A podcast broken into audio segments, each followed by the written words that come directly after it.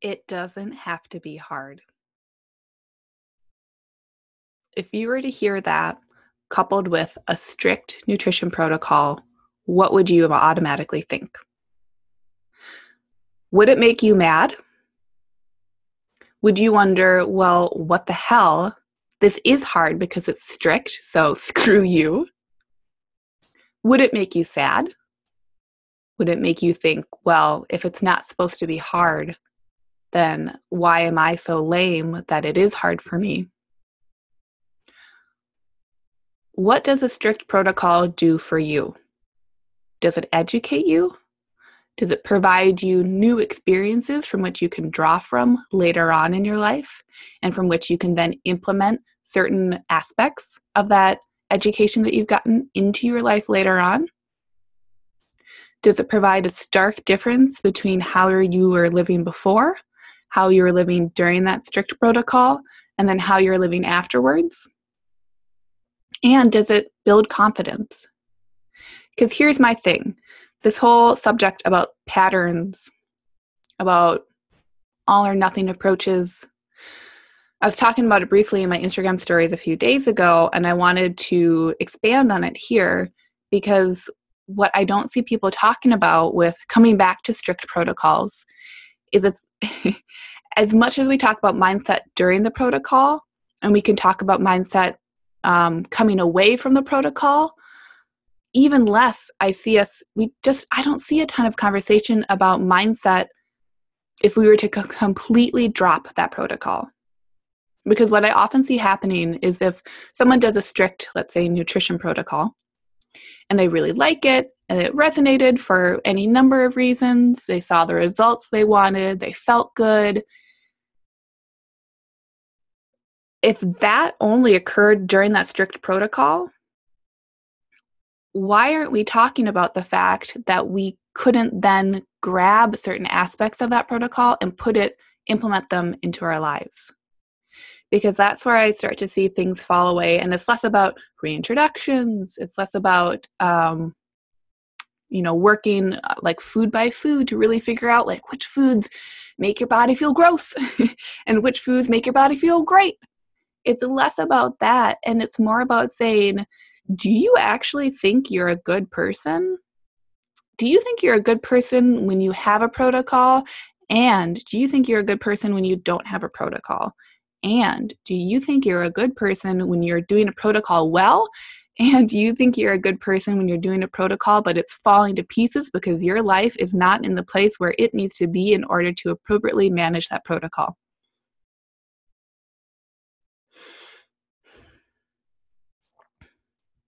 That's what I'm seeing right now is that because it's back to school season, even if you don't know anyone, you're not connected to going back to school, there's still a feeling in the air about coming back to programming, coming back to being more scheduled, kind of wrapping up that flexibility and freedom that can happen, especially at the end of the summer. It's about kind of, you know, uh, buckling your bootstraps or just like buckling down and saying, all right, I'm going to come back to a protocol. And I feel like I see a lot of people coming back to that protocol and they say, well, God, I was so shitty over the summer. I'm going to be extra good this fall. And not only am I going to come back to some sort of schedule around what I'm eating in this example, but I'm going to come back to a schedule that is fucking perfect. Because I'm going to make up, whether I know it or not, I'm going to make up for that summer. And I'm finally going to teach myself how to enjoy being this strict. If you step back from that, this is not your first time on a new protocol, how, how often have you come back to that thought? Because that to me is what is so interesting right now is that i'm seeing a lot of people go back to extreme protocols that they've done before and that they have felt good on. You know those protocols were extreme and they enjoyed that extreme nature or they had extreme results from it. I'm not just talking about body weight at all. I'm just talking about in general. They had some sort of extreme protocol. They adhered to it. They succeeded. They liked it. And they fell off. And then time went by. And then more time went by, and more time and donuts and croissants went by and, the summer. And then, no, wait, oh, fall. Okay, back, back, back, back, back to protocol. If this is a pattern, this is what has got me really curious is saying, okay, can we embrace the fact that this is a pattern that is not actually working for me? because even the most clean eating style of protocol, anyone can approach any protocol in an unhealthy manner. So, even a protocol that really authentically makes you feel good in your body, if the mindset up around that protocol isn't actually for you, then it might be exactly what you do not need right now. And furthermore, if this if this idea of these larger patterns, if this idea is resonating with you, I invite you to wonder what has been lacking during these protocols? What are the things that are not being brought forward back into life and lifestyle? Because ideally, what a protocol is showing us is that it's giving us new tools, new education, new ways to feel our bodies, to be in our bodies, new ways of nourishing our bodies or taking care of ourselves.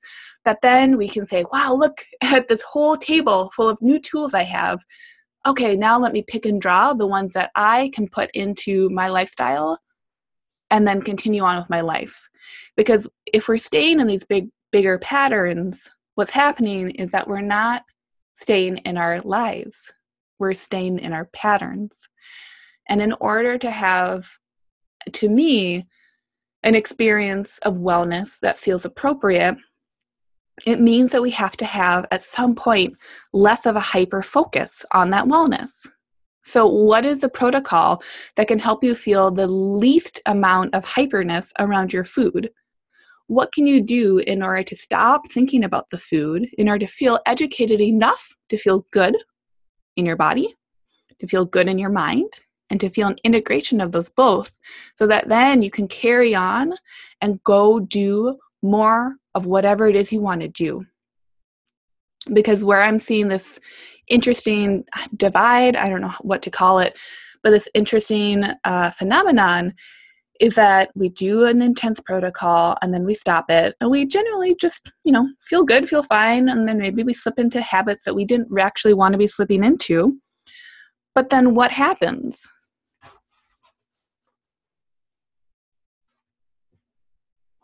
my god my foot is so asleep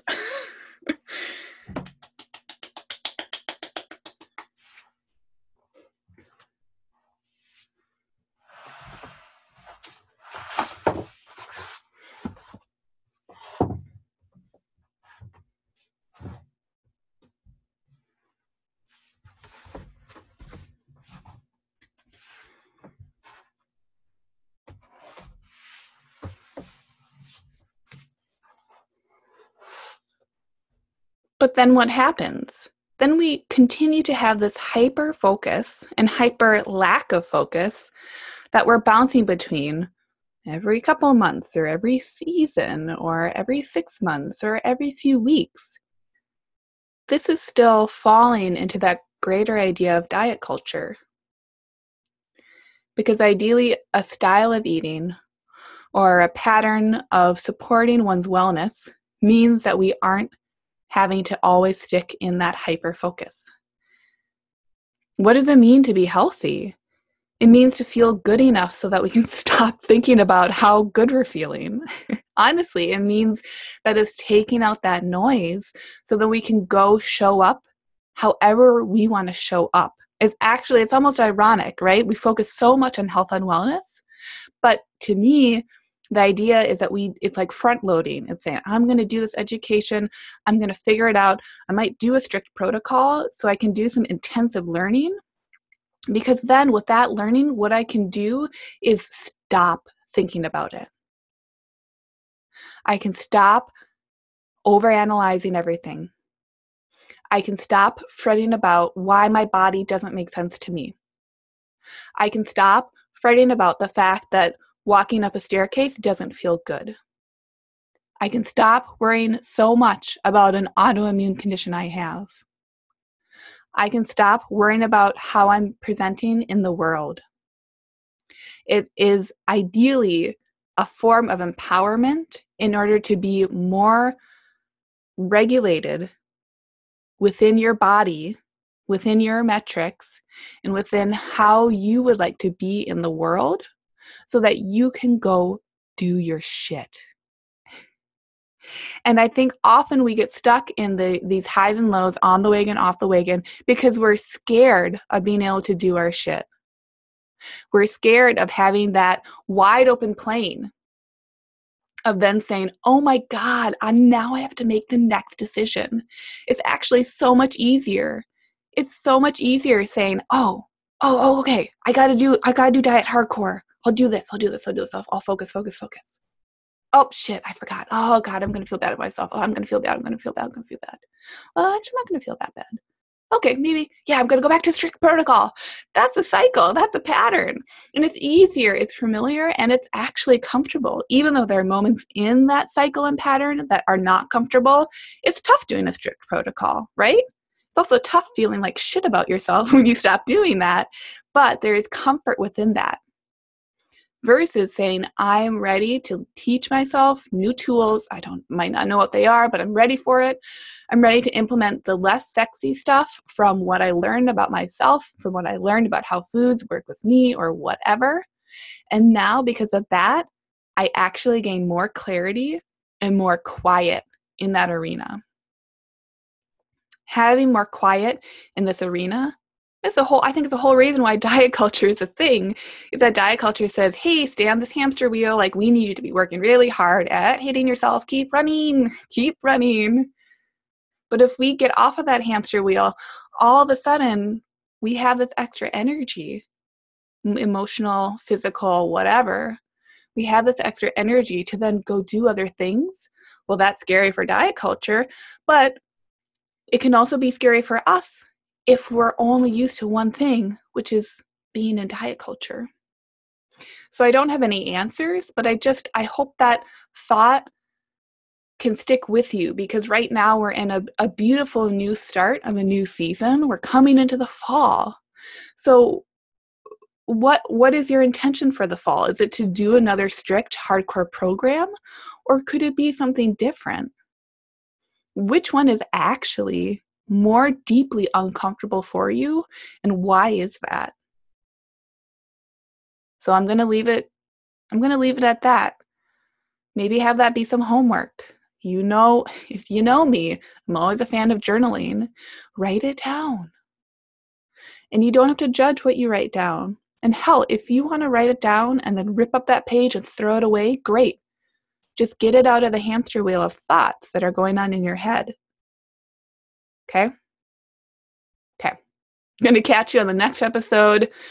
I, yeah, I'll leave it at that. I won't I won't explain any more than that.